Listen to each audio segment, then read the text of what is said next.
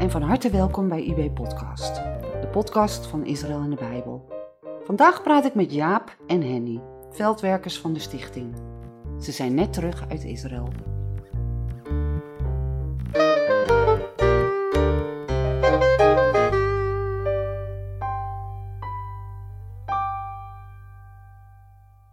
Mijn naam is Jacqueline Lohman en op gepaste afstand zitten bij mij aan tafel mijn collega David van Wijk en Jaap en zijn vrouw Henny.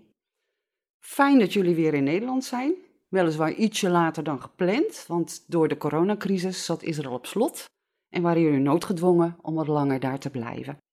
Voordat we het gaan hebben over jullie tijd in Israël, uh, zou het leuk zijn als jullie ietsje meer over jezelf vertellen. En ik begin bij jou, Jaap. Hallo mensen, ik ben Jaap. Momenteel logeren we in de shelter in Amsterdam naar onze terugvlucht, iets verlaten terugvlucht uit uh, Israël, waar we een hele goede tijd gehad hebben. Henny heeft het druk in de shelter met het regelen voor het hopelijk weer opengaan van de shelters. En ik kan daar mijn eigen goed voor maken. Het is daar best gezellig, want we leven in een soort community. Dus je hebt toch wat aanspraak. Van daaruit doe ik uh, twee Bijbelstudies online met de videocall. En één keer in de week rijden we terug naar ons huis waar andere mensen in zitten. En dan geven eten we daar mee, geven we daar Bijbelstudie. Dus we hebben het eigenlijk heel goed nu. En we wachten gewoon af wat de toekomst brengt. Maar uh, voor dit moment is het prima. Ja, dat geldt natuurlijk voor iedereen, hè? dat iedereen afwacht wat de toekomst brengt. Maar je hebt het over de shelter, de shelter in? Amsterdam. En wat is dat? Want ik geloof dat ik daarvoor bij jou moet zijn, Henny. Ja, ja de shelter uh, heeft eigenlijk twee hostels in uh, Amsterdam, waar normaal gesproken natuurlijk heel veel jongere toeristen rondreizen en uh, slapen. En het mooie is dat ze overnachtingsplek zoeken in Amsterdam. En dan kunnen ze in de hostel daar een bed over uh, boeken om te overnachten. En eigenlijk is het doel om daar christelijke gastvrijheid te laten zien, maar ook om het evangelie te delen. Mensen die reizen hebben vaak uh, vragen, zoeken naar de zin van het leven of willen juist helemaal niet nadenken, maar zijn wel los van thuis. En dan heb je mooie ontmoetingen vaak. In ieder geval de gelegenheid om vanuit een ander perspectief naar je eigen leven te kijken. En uh, omdat wij met veel vrijwilligers werken in dezelfde leeftijdsgroep, jongeren, tussen, zo, tussen de 20 en 30, uh, zijn er heel veel spontane contacten. En daardoor ook heel veel uh, gelegenheden om elkaar te bevragen van wie ben je, hoe gaat je levensreis, wat geloof je, hoe maak je je keuzes in je leven. En dat geeft mooie mogelijkheden om het evangelie te delen. Mijn rol daarin is dat ik stafmanager ben, dus ik stuur de vrijwilligers aan. Uh, ik doe dingen op personeelszaken, zit in het managementteam. Ja, ik denk dat de shelter in Amsterdam ook wel bij heel veel mensen bekend is. Waar ik nieuwsgierig naar ben, uh, heb je veel Joodse, Israëlische gasten? Heb je ook een mogelijkheid gehad om over de Heer Jezus te spreken met je Israëlische gasten of een Bijbel te geven? Heb je zoiets meegemaakt? Want je werkte al ik geloof dik 25 jaar, hè? Ja, ik al heel wat jaren, ja. Nou, ik moet zeggen in de beginjaren dat er echt wel meer uh, Israëli's ook uh, waren in de shelter. Ik weet niet precies waar dat aan ligt. Ik weet wel dat Israëli's dan uh, vaak na hun diensttijd vooral naar Europa reisden. En nu inmiddels ook wel naar heel veel andere plekken. Europa is naar verhouding natuurlijk ook wel duur als je lang wil reizen. Um, toen hadden we best wel veel Israëli's. Ook wel mensen die in het schoonmaakteam kwamen en dan vier weken voor onderdak en eten hielpen schoonmaken. Dan had je wel gesprekken. Meer recent, als je naar een verhaal vraagt, um, je hoort altijd wel bij het inchecken dat iemand uit Israël komt. Of dan is het geval dat je zegt, hey, kom je uit Israël vandaan? En uh, dan zijn ze vaak verbaasd van, hoe weet je dat? Dat hoor je toch aan de uitspraak. En inderdaad, een uh, aantal maanden voordat wij naar Israël toe gingen, was er een, uh, een gast die eigenlijk op dat moment uit Australië kwam. Maar dat was een Israëliër die daar gewerkt had en rondgereisd had na zijn diensttijd natuurlijk echt zo'n hele wereldreiziger. En we hadden even kort contact bij de receptie dat hij uit Israël kwam. Hij ging vervolgens uh, naar het café en het was net koffiepauze, dus we gingen daar met elkaar zitten praten. En op dat moment ook al wat over reizen, over Israël, allerlei vragen. Op dat moment uh, liep de koffiepauze weer af en later dacht ik, ah, oh, ik had eigenlijk gewoon een Bijbel moeten geven. Niet gedaan, jammer. Waarom eigenlijk niet? Was ik te aarzelend of was het te veel geweest om het gelijk wel te doen? Um, maar ik had het wel op mijn hart. En omdat we natuurlijk van die mooie backpackbijbels hebben, die had ik wel bij me. Maar ik was het weekend vrij. En ik meende dat de jongen ook eigenlijk weg zou gaan in het weekend. En ehm, in ieder geval was het zo dat op de ochtend dat ik weer kwam werken, dat hij eigenlijk niet meer te vinden was. Maar ik zei tegen de receptie, nou, mocht hij terugkomen, want hij had zijn bagage achtergelaten, zeg dan even dat ik nog wat voor hem heb. Dus op een gegeven moment kreeg ik een belletje van hij was bij de receptie om zijn bagage op te halen. En toen ben ik er nog even heen gelopen. Ik zei, joh, leuk dat je hier was. En we hadden het over uh, reizen en over allerlei dingen. Dus uh, ja, ik heb eigenlijk wat voor je. En als je geïnteresseerd bent, mag je het meenemen. Dus dan heb ik hem uh, de kleine bijbeltje gegeven. En heeft hij dat meegenomen. Het is eigenlijk wel heel wonderlijk dat dat dan zo loopt. Ja, bijzonder. Bijzonder. Ja. Hè? Zo zie je maar dat de dingen ook gewoon weer geleid worden. Hè? Als je Ja. denkt van nou, hij is weg. En dan krijg je toch nog een kans om een Bijbel te geven. Ja, zeker. en dat is mooi. Jullie zijn dus net terug uit Israël. Nog niet zo heel erg lang. Ehm, jullie hebben daar gewerkt, Bijbels verspreid onder Joodse mensen. Eh, hoe, hoe, hoe gaat zoiets? Is, was het jullie eerste keer? Nee, zeker niet. Dat doen we al een poosje als vrijwilligers voor Israël en de Bijbel. Maar in Israël zijn we meerdere keren geweest. Allebei wel. Een keer of negen of tien. En we hebben altijd wel wat meegenomen om ook weg te kunnen geven. Maar nu waren we er echt om gericht mensen aan te spreken en Bijbels uit te delen. In het noorden van Israël zijn we begonnen. Maar toen werden we toch een beetje overvallen door de coronacrisis. En de mensen die thuis moesten blijven. Dat je toch niet veel meer eh, kon doen. En gelukkig hebben we eh, goede kennissen zitten in het zuiden van eh, Israël, in Eilat. En die hadden net behoefte aan een paar extra mensen die daar ja, een beetje met de staf op konden trekken. Omdat de eigenaar en zijn vrouw in quarantaine moesten. Die waren naar het buitenland geweest, dus het kwam precies goed uit. Dat de Heer ook echt zo geleid dat dat en voor die mensen, voor de eigenaren en voor de staf heel goed uitkwam, maar ook voor ons. Want we hebben daar een zeer eh, goede en vruchtbare tijd gehad. Vier weken lang.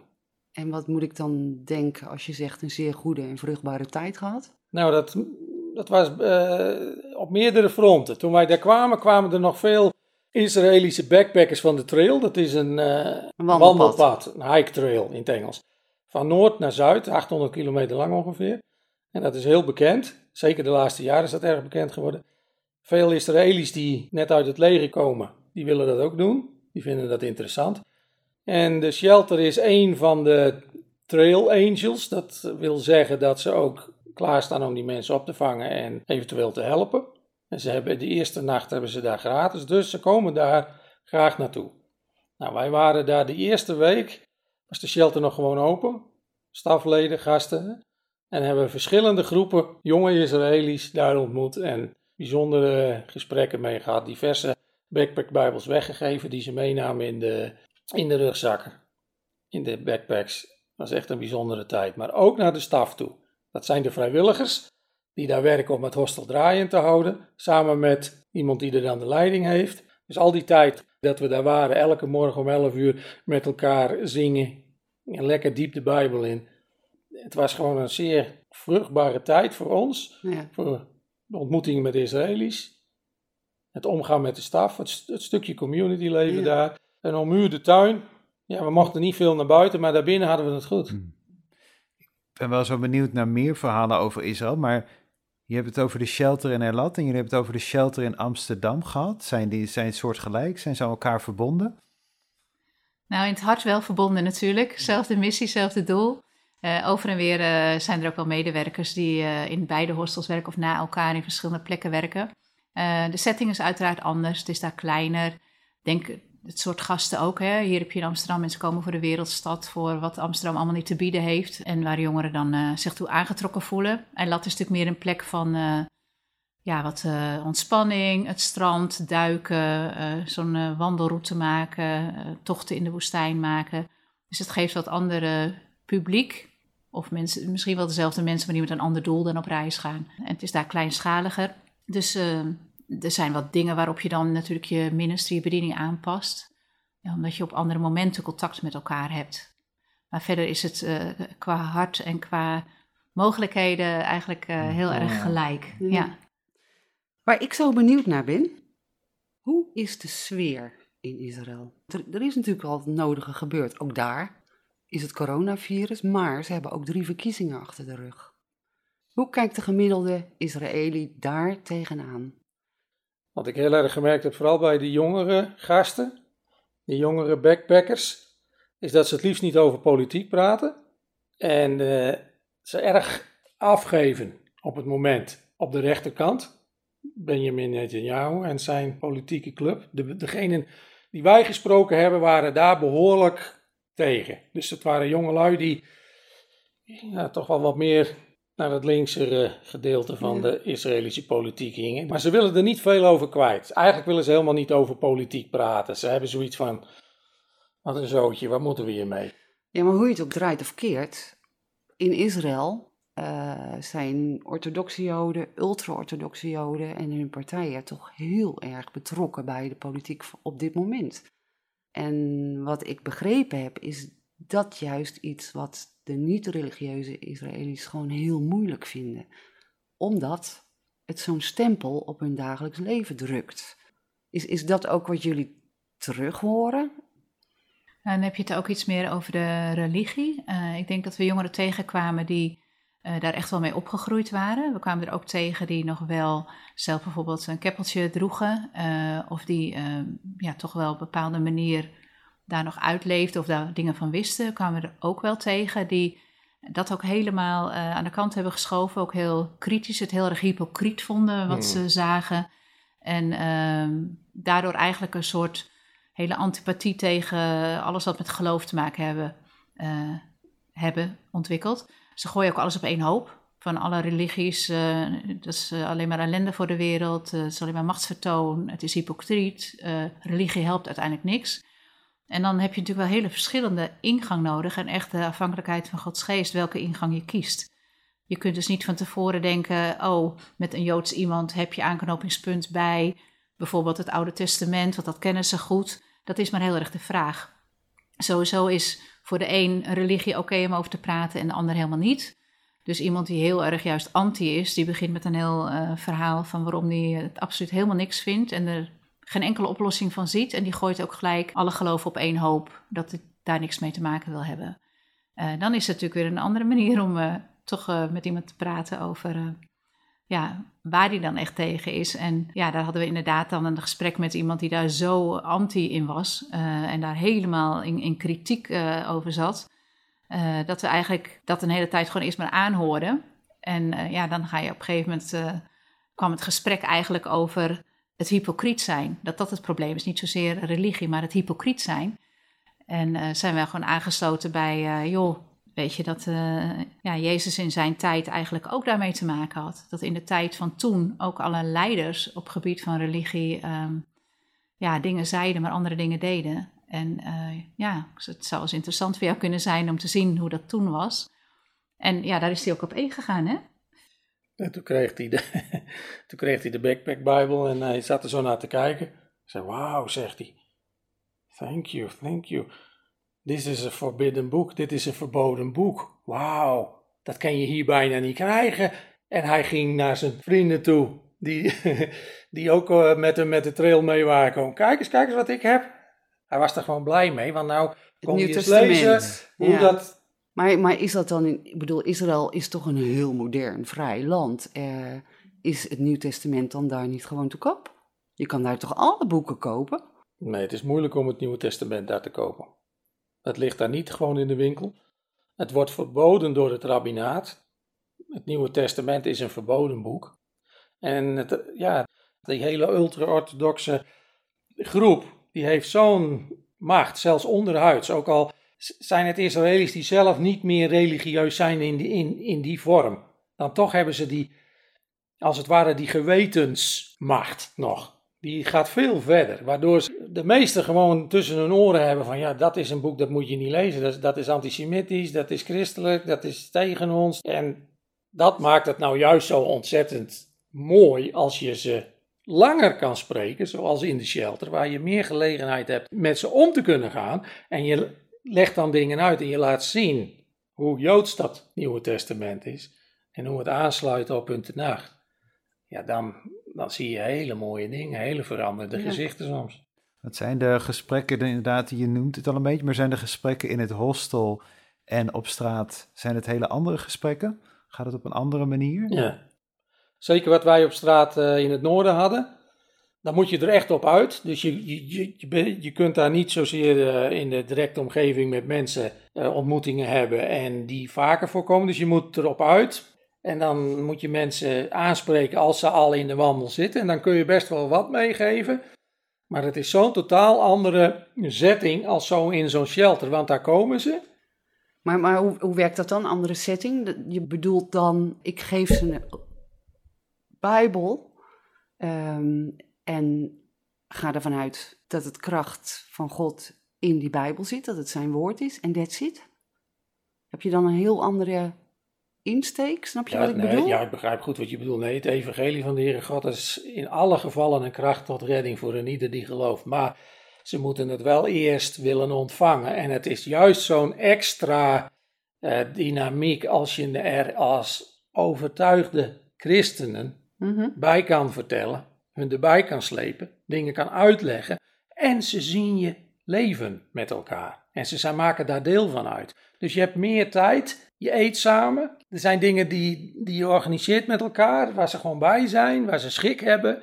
Maar vooral die diepere gesprekken. Want je merkt heel erg aan die Joodse, vooral aan die jongelui, dat ze het fijn vinden om te discussiëren. Dat is ook typisch Israëlisch. Ja, maar dat, ja, en ik vind het ook typisch erg leuk. Dus dat past perfect. Het is heel belangrijk om met ze in gesprek te gaan. En laat het maar een beetje tegen elkaar aanbotsen, dat geeft niet. En, en zo door die Bijbel heen dingen erbij halen. Ja, ik heb, we hebben al een aantal keren gezien, alleen in dat korte poosje wat we hadden voordat de shelter dichtging vanwege de corona. Dat die versen daardoor getriggerd werden, nieuwsgierig werden. Bij de Bijbelstudie gingen zitten. Nou, dat, dat is zoiets bijzonders. Dat krijg je niet echt voor elkaar als je onderweg bent. Als je onderweg mensen ontmoet, ben je afhankelijk van een kortere setting. Maar mensen zijn daar natuurlijk niet om, om een uur of twee uur meestal niet te gaan staan of te gaan zitten. Die willen verder, die zijn bezig met een hike of wat dan ook. Dat heeft ook zijn functie. Maar een, een situatie waar je mensen kan ontvangen en door kan praten, dat heeft verreweg mijn voorkeur. Snap ik. Jullie zijn allebei niet Joods. Vormt dat op een of andere manier een belemmering? Nee, juist niet. Hoe, hoe bedoel je juist niet? Het is voor een christen heel makkelijk om een Jood aan te spreken. Een? Joods persoon aan te spreken. Als je je niet probeert te vermommen, maar gewoon eerlijk bent over wie je bent en waarom, heb je meer ingang dan de meeste Joden bij andere Joden hebben. Die Je bedoelt Messias Messias beleidende Joden. hebben minder ingang bij hun mede-Joden dan een christen uit het buitenland. Want daar weten ze van. We weten wie je bent, we weten voor je staat. Maar als je dan daar gewoon eerlijk over bent en de Bijbel erbij haalt, dan heb je meer ingang, heb ik gemerkt. Wees wie je bent en eh, geef door wat ze moeten horen. En geef ze een Bijbel. Als het kan. Een Nieuw Testamentje. Als ze die willen hebben, zeker. Ja. Ja, Wat ik proefde bij jullie, je gaf aan van, we zijn al eerder in Israël, Israël geweest en altijd namen we wel wat mee, een bijbel, materialen. Dat hoor ik niet bij iedereen die naar Israël gaat. Waar, waar is die, dat, ik weet niet, is een verlangen, iets, waar is dat bij jullie vandaan gekomen? Om dan toch eh, altijd eh, een bijbel mee te hebben om weg te geven. Wat is jullie beweegreden daarvoor? Nou, ik denk eh, deels natuurlijk van is het sowieso iets wat op een gegeven moment eh, in gedachten komt van ja, wat wil je meegeven? Je kan met mensen in gesprek gaan over geloof, maar om mensen een Bijbel mee te geven eh, heeft te maken met welke visie je hebt natuurlijk. Als de Bijbel echt eh, is wat het is en ook eh, levensbrengend is, het leven bewerkt in harten, dan is dat ook het beste wat je aan iemand kan geven. Bovendien maak je iemand niet afhankelijk van jou en jouw interpretatie, jouw uitleg, maar iemand kan zelf spreken. En God werkt door zijn woord. Dus voor mij denk ik om een allereerste keer een Bijbel te geven, was toen ik eh, campingwerk in Nederland deed. En dat je op een gegeven moment denkt, wauw, hoe mooi is het om iemand het allermooiste te geven wat er is. En dat is ja, de Bijbel die dieper gaat dan welk boek ook. En echt eh, diep van binnen harten kan bereiken en veranderen. Dus ehm, diezelfde lijn zet zich dan door. Alleen het was voor mij nodig om een soort te ontdekken dat inderdaad ook mensen in Israël helemaal niet altijd een Bijbel hebben en hem ook niet altijd lezen. En dat het dus ook heel erg mooi juist is om dat mee te nemen, dat het een hele mooie gelegenheid is. En dat kwam denk ik door ja, in contact te komen met Israël in de Bijbel en ook te horen dat, uh, ja, dat er redenen zijn om dat te doen, juist naar mensen uit Israël, waarvan je denkt, oh die zijn ermee opgegroeid, die weten dat wel. Ja, want het land oogt heel religieus. Precies. Ja. Ja, maar het merendeel is natuurlijk helemaal niet religieus. Nee, maar ook dat religieus is ontzettend ver- misleidend. Want daardoor lijkt het alsof ze heel goed godsdienstig zijn. En dat zijn ze misschien ook, maar niet op een manier die de Heere God bedoeld heeft. De God van Abraham, Isaac en Jacob. En er is daar gewoon een enorm ja, verblinding en leegheid wat de werkelijke bedoeling van God met zijn woord is. Dus om daar En dan bedoel je dat de Messias bekendgemaakt Ja, wordt ze in weten de helemaal Bijbel. niet wie hun Messias is. En het Nieuwe Testament wordt daar verboden. En Jesaja 53 wordt overgeslagen door veel eh, ra- rabbies en, en leerscholen, yeshivas daar. Dus dat zit zo tussen hun oren dat dat er niet bij hoort. Ja, dat daar best een beetje extra aandacht aan gegeven mag worden. En je, wat mij betreft, niet naar Israël moet gaan zonder een paar bijbeltjes in je koffer. Lijkt mij misschien eh, nog wel belangrijker als de tandpasta. hè? Die kan, je, die kan je in ieder geval wel in Die kun je Israël daar kopen. kopen. maar het Nieuwe Testament niet, precies. ja. Zijn er nog, nog, nog bijzondere, echt bijzondere ontmoetingen geweest in Israël zelf? Waarvan je denkt van nou, dat is echt een knipoog van boven. Dit, dit heeft zo moeten zijn. En dan heb je er waarschijnlijk tientallen. Oh, Die tijd ontbreekt, Jaap. Tientallen niet, maar wat we wel. Gewoon zo'n ja. ontmoeting waarvan je denkt van nou, hier moest ik zijn. De Heere God heeft me hier naartoe gestuurd. ja, wij liepen daar in een, eh, in een natuurreservaat en we, we kwamen zo zachtjes aan weer terug en we komen een kerel tegen, een Joodse meneer met een groot t-shirt op, met een grote tekst erop. Iets over geloven in jezelf, dat is het beste wat je kunt doen of dat komt altijd goed. Iets in die geest. Fijn, ik ben altijd van, eh, als ik iets zie, dan reageer ik erop. Dus we liepen zo langs dus ik zeg, ah, weet je dat zeker? Nou, en die begon me dat te vertellen en die was me daar enthousiast. Dat was een reisleider. Hij was leraar geweest en hij had eh, als eh, reisleider gewerkt. En ja, nu met die corona had hij eigenlijk niks te doen. En hij ging een eindje wandelen daar en zo meteen kwam zijn, zijn, zijn vrienden van hem, hè? waren dat, zijn vrouw en vrienden van hem. Dus die vrouw die kwam daar aanlopen, daar gingen ze een eindje mee wandelen. Hij zei, ja, eh, hun komen vanavond eten hoor en eh, bla bla. Willen jullie dat? Ja, tuurlijk. Vinden we heel gezellig. Dus eh, hij ging met die, met die familie een eindje lopen nog. En wij gingen even de andere kant op een oude ruïne bekijken. En dan spraken we af beneden. Nou ja hoor, daar kwamen ze aan. Achteraan gereden naar de Mosjaaf. Dat is een, eh, een, een soort omhekt dorp. Prachtig groot huis. Die meneer had een hele grote kippenfarm.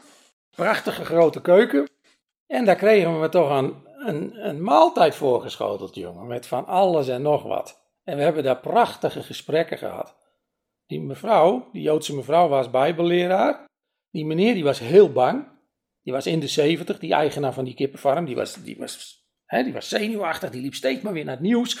En kijken wat er nu weer was en hoeveel doden en wat voor... In verband met corona bedoel je? Ja. Ja, ja. Ah, Oké, dus En niet... toen, ja, toen hebben we hele gesprekken gehad over de Bijbel. En over het, van, van Pesach tot... Overal hebben we het over kunnen hebben. Bloedoffer. Dat is onvoorstelbaar. En daar heb je ook bijbels kunnen achterlaten. Nee, Nee, dat hebben we niet gedaan. waarom niet? Ja, dat op de een of andere manier was dat zo. die gesprekken waren zo goed.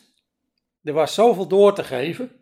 Dan hadden we expres naar de auto moeten gaan, Bijbels eruit moeten halen. Had gekund. Achteraf gezien hadden we het direct moeten doen. Maar wij werden uitgenodigd om terug te komen. Zo dachten wij, dacht ik. En dan hebben we later ook met elkaar gesproken. Dat is mooi. Dan zorgen we dat we het dan gelijk bij ons hebben. En dan kunnen we erop doorpraten. En daar is het niet van gekomen vanwege de corona. We hebben telefoonnummers, we hebben het adres.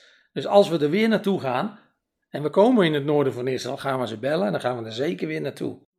Inderdaad, achteraf gezien hadden we het direct moeten doen. Maar omdat we een vervolg erop hadden, dachten we, hey, dat doen we dan de volgende keer.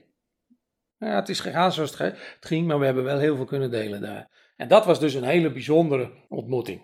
Dat je gewoon direct, want we begonnen op dat pad direct al met elkaar te discussiëren over geloof en over de Bijbel. En over... Dus toen ze uitnodigden, toen hij zei van, eh, je gaat voor hun koken, ze zijn uitgenodigd. Ik zei, dat is goed, maar we praten wel verder over de Bijbel. En dat was goed, hè? Oké. Ja, dat was echt een bijzondere ontmoeting. Hebben jullie toevallig ook nog contact gehad met eh, onze broeders en zusters in Israël, de Messias beleidende Joden? Uh, ik heb sowieso een vriendin in het noorden van Israël, dus daar hadden we wel gelijk contact mee. We wilden ook naar hun gemeente toe gaan, maar toen wij kwamen was gelijk al een uh, beperking dat buitenlanders niet meer naar de diensten mochten komen. Dat was de eerste zondag. De tweede zondag mochten ze maar met dertig bij elkaar komen, dus ja, dat was ook niet aan ons. En daarna werden alle samenkomsten gewoon helemaal afgeschaft. Dus alleen in het zuiden met ja, de mensen die daar in de buurt waren of die inderdaad betrokken waren bij het hostel. Hebben daar wel contact gehad. We hebben ook één sabbatsavond ook nog meegemaakt dat er een hele groep van de wandelaars was in het hostel.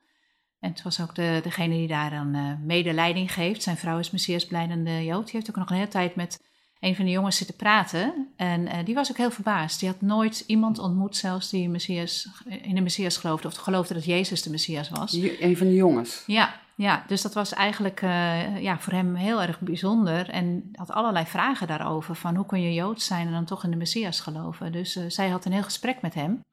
En dat is, zie je ook weer dat het een soort opvolging is. Hè? Uh, er wordt contact gemaakt door de een. Er wordt iets gezelligs gedaan met de ander. Dan wordt er gegeten. Oh, doen jullie mee met de viering van de Sabbatsmaaltijd. Waarbij ook de link wordt gelegd naar het christelijk geloof. En vervolgens uh, ja, is er zo'n heel gesprek. Die jongen kwam ook de volgende dag bij de Bijbelstudie zitten. Dus dan zie je dat eigenlijk allerlei drempels al worden weggenomen.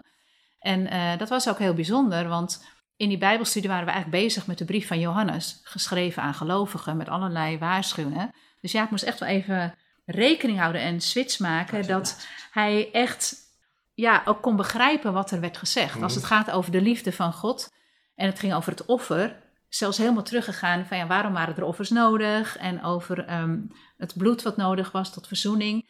En omdat hij kennis had van het Oude Testament, had je daar aansluiting. Ja. Bij iemand die dat helemaal niet heeft, raakt dat helemaal niet zo. Merkte je ook dat er iets van, van want dat hoor je vaak, hè, verbazing is over het, de joodsheid van het Nieuw Testament? Ja. Hoor je dat vaak terug?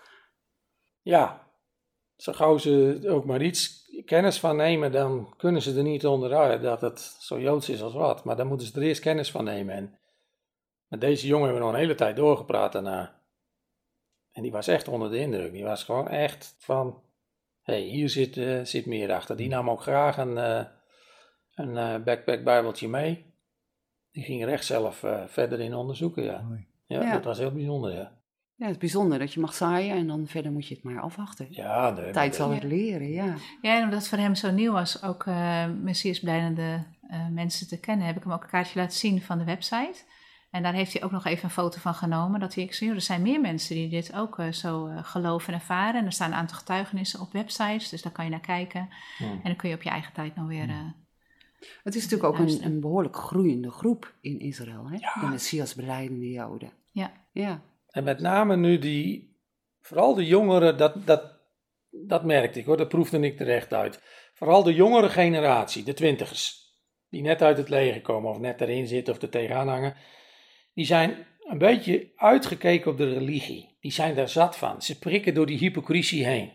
Als je dan vertelt dat Jezus van Nazareth daar in zijn tijd, toen hij op aarde wandelde, precies hetzelfde mee te maken had, ja, dan is dat een andere ingang, waardoor ze wel nieuwsgierig worden van, hé, hey, waar gaat dat eigenlijk over?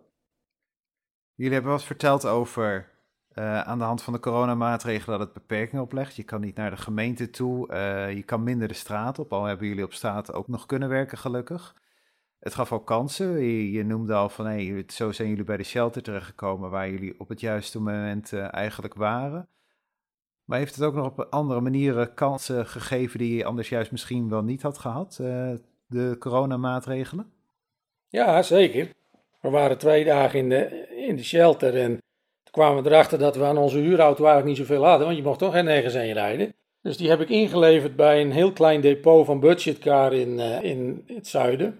En daar zaten twee mannen achter de, achter de balie, een Joodse meneer en een Joods-Russische meneer. En ja, in het begin ging het wat stroef, een karretje bekijken en nou, alles was in orde. Een gesprekje over corona uiteraard. En ja, zit die, de, Joodse meneer die zegt, het is toch wel, uh, wel heel lastig hoor.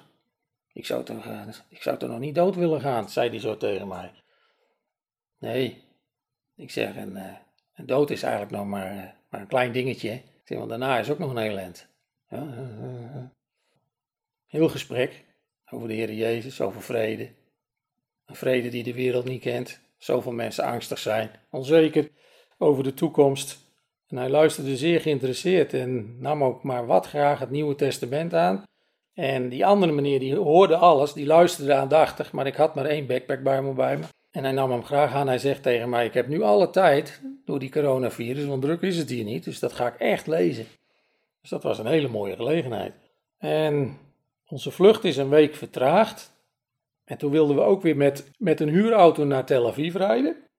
Dus ik ben weer naar hetzelfde kantoortje gegaan. En dat was eigenlijk dicht, maar de deur stond toch open. Of niet open, maar was van het slot af. En daar zat een mevrouw in het hoekje. Wat komt u doen? Het is eigenlijk dicht. Ik zeg, nou ja, zo en zo. Nou, ik zal kijken wat ik voor je kan doen. Misschien kan ik wat reserveren. We weten niet of we zondagmorgen open zijn. Maar als, je, als we niet open zijn, vervalt de reservering. En als je niet opkomt, dagen ook. Laten we het zo afspreken. Hoef je niks van tevoren te betalen. Ik zeg, oh, wat fijn en zo en zo. Ik zeg, ik heb nog iets hartstikke moois voor u meegenomen uit Holland. Het is daar geprint, maar het is zo Joods als wat. Poosje over gesproken, over hoe Joods dat Nieuwe Testament is. En ze raakte al meer enthousiast.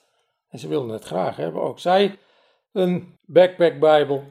Fijn, wij zijn de volgende dag naar Tel Aviv gereden. Daar hebben we de auto ingeleverd. Daar was ook niemand. Komt één Joodse meneer om ons met diezelfde huurauto naar het uh, vliegveld te rijden. Normaal gaat dat met een busje, zo'n transferbusje. Maar omdat er niemand was, deed hij dat met dezelfde auto. We hadden een hartstikke leuk gesprekje onderweg. En ineens zo out of the blue zegt hij, but I'm a believer. Ik ben een gelovige. Een gelovige in, in de God van Abraham, Isaac en Jacob. Dus dat scheelt een stuk, zegt hij. Ik zeg, ja, dat scheelt zeker een stuk. En we waren daar en we laden de boel uit. En ik laat hem het uh, backpack-bijbeltje zien. Ik zeg, je bent een gelovige. Ik zeg, dan wil je dit vast ook hebben en lezen.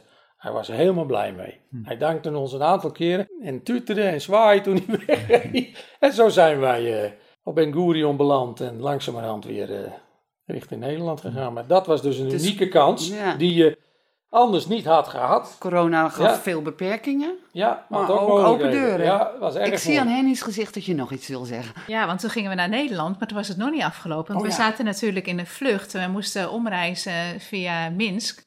En uh, nou, daar zaten natuurlijk allerlei mensen. En uh, wij belanden daar midden in de nacht uh, op dat vliegveld. En een deel van de mensen moest door. Dus die gingen naar een transfer, dat je doorreist naar een ander land. Nou, uitgebreide paspoortcontrole. We staan er heel lang in de rij. En we raken aan de praat. Jaap met een Nederlandse meneer die door een ongeval langere tijd in Israël was geweest. Uiteindelijk bleek hij een Nederlands bijbeltje hebben gehad in het zuiden, in het hostel waar we hadden gezeten. Oh, echt? Heel veel gesprek gehad met hem midden in de nacht. En we raken aan de praat met een jongen uit Israël. Eerst gewoon al, en die had heel een beetje moeite met zijn uh, transfer en zijn papieren en zo. Dus dan raakten we uit het oog. Dachten, oh. Dus ik ben door die luchthaven gelopen s'nachts. Hij moest, ik wist waar hij heen moest, naar een andere stad in Duitsland. En hij zat daar te wachten. En ik dacht, ja. Ik zeg tegen Jaap, eigenlijk zou een bijbeltje moeten geven. En Jaap daagde mij uit, nou, het wordt jouw tijd is, ga jij maar. Dus ik ging daar uh, naar die vertrekhal waar hij zat. Maar hij lag te slapen. Dus ik daar maar eerst naar het toilet, bidden ervoor. Kom ik terug, zit hij recht overeind, wakker en wel met zijn laptop. Dus ik ga bij hem zitten, vroeg hoeveel tijd hij er moest wachten, heel praatje, dit en dat, en over Nederland en over zus en zo. Ik zei, joh, eh, je houdt van Nederland. En uh, ik zeg, ik heb iets voor je uit Nederland vandaan. Dus ik liet hem dat zien. En hij herkende het. Hij zegt, oh, hij zegt, dat is uh, het nieuwe testimony, noemde hij het. Het nieuwe getuigenis. En nou, ik heb wat verteld over hoe Joodse mensen daar soms dingen in ontdekken en uh, eigenlijk heel verrast zijn wat ze lezen. En toen ging het hebben over het leven van Jezus en wat hij daar al van kende. Dus hij had met iemand erover gesproken of iets ervan gelezen. En hij nam het met dank aan. Dus dat was eigenlijk midden in de nacht uh, twee hele mooie, vruchtbare gesprekken tot slot. Mooi. We gaan, uh, we gaan afsluiten. Is er nog iets wat jullie kwijt willen? Waarvan jullie zeggen van nou, dat wil ik echt nog even zeggen? Nou, wat uh, mij heel erg bemoedigd heeft en wat ook heel erg uh, bijzonder vond, is dat je echt merkt dat er gebeden is voor de Bijbelverspreiding. Dat is echt ja, zo bijzonder. Daar ter plekke hadden we natuurlijk een team wat er uh, ja, enthousiast voor werd ook en ook ja, daar natuurlijk voor gekomen was om het evangelie te delen. Dus die vonden het heel fijn. Maar er werd echt elke dag gebeden. Wij wisten dat er hier in Nederland werd gebeden. En ja, het, het, het hield me niet op dan dachten we, nou, nu is echt de laatste gast een beetje vertrokken. En dan kwam er toch nog iemand weer, want die was, uh, had zijn auto laten staan. En die kwam toch nog weer binnen en die maakte een halve Bijbelstudie mee. Of iemand die zijn spullen vergeten was, die weer terugkomt. Uh, uh, natuurlijk niet alleen Israëli's, maar ook andere reizigers, waar ook mooie gesprekken mee zijn geweest. En zelfs toen het hostel dichtging, de allerlaatste gast, dat je het evangelie mee kon delen. Je merkt dan echt dat ja, gebed heel bijzonder is, heel belangrijk is. En uh, ja, dat steunt het werk. En dat is ook echt de, het werkelijke werk eigenlijk. Uh, wij hebben het voorrecht daar te zijn en we genieten ervan en we zitten in de zon. Maar ik denk het echte werk wordt gedaan door degenen die bidden en die daarin echt Gods hart zoeken uh, om mensen nog te bereiken met zijn woord en de gelegenheid te geven om daar kennis van te nemen en daardoor geraakt te worden. En dat is wel heel bijzonder om te ervaren en ook wel ja, het maakt je gewoon dankbaar en nederig, zeg maar, en afhankelijk. Ja. Heeft het Joodse volk ook een heel speciaal plekje bij jullie? Ja, je knikt ja, maar dat kan onze luisteraar nee, niet zien, ja. klopt. Nee, dat is waar, maar uh, ik knik ja, ik zeg ook maar ja. Nee, zeker. Sinds ik tot geloof ben gekomen en de Heer Jezus heb leren kennen, die overduidelijk Jood is, die wandelde in het land Israël, dat we het Nieuwe Testament en het Oude Testament te danken hebben aan Joods volk, wat door God gebruikt is om dat allemaal op te schrijven, onder inspiratie van zijn geest, dan moet je toch als christen wel behoorlijk de richting kwijt zijn als het Joodse volk niet in beeld komt. Als je, bedoel je daarmee als je vindt dat het Joodse volk de Heer Jezus niet nodig heeft? Ja, bijvoorbeeld, of dat je er geen aandacht aan geeft, of zelfs niet voor kan bidden, of ze niet lief kan hebben, of er wat voor vervangende theologie of theorie voor in de plaats uh, zet. En als er luisteraars zijn die, die denken dat het Joodse volk het evangelie niet nodig hebben, ze hebben het evangelie meer nodig dan wie dan ook. Paulus die bad niet voor Israël, of er meer boompjes kwamen, of tulpenbollen, of Paulus die bad voor, het, voor de bekering van het volk, zijn broeders, naar het vlees. En hij ging altijd eerst de synagoges af om het Joodse volk toe te spreken vanuit de schriften, het Oude Testament, duidelijk te maken wie hun Messias was. En er waren er maar weinig die hem geloofden, dat is waar. Maar die opdracht ligt er nog steeds dat we de Joden niet over moeten slaan. En zeker in deze tijd niet, nu we aan de vooravond staan van best heftige gebeurtenissen in de wereld. En zeker voor het Joodse volk. Je merkt ook in Israël dat er meer en meer openheid is. Dus mocht je van plan zijn, als we weer mogen reizen naar Israël te gaan, neem wat extra Bijbeltjes mee. En spreek ze maar gewoon aan.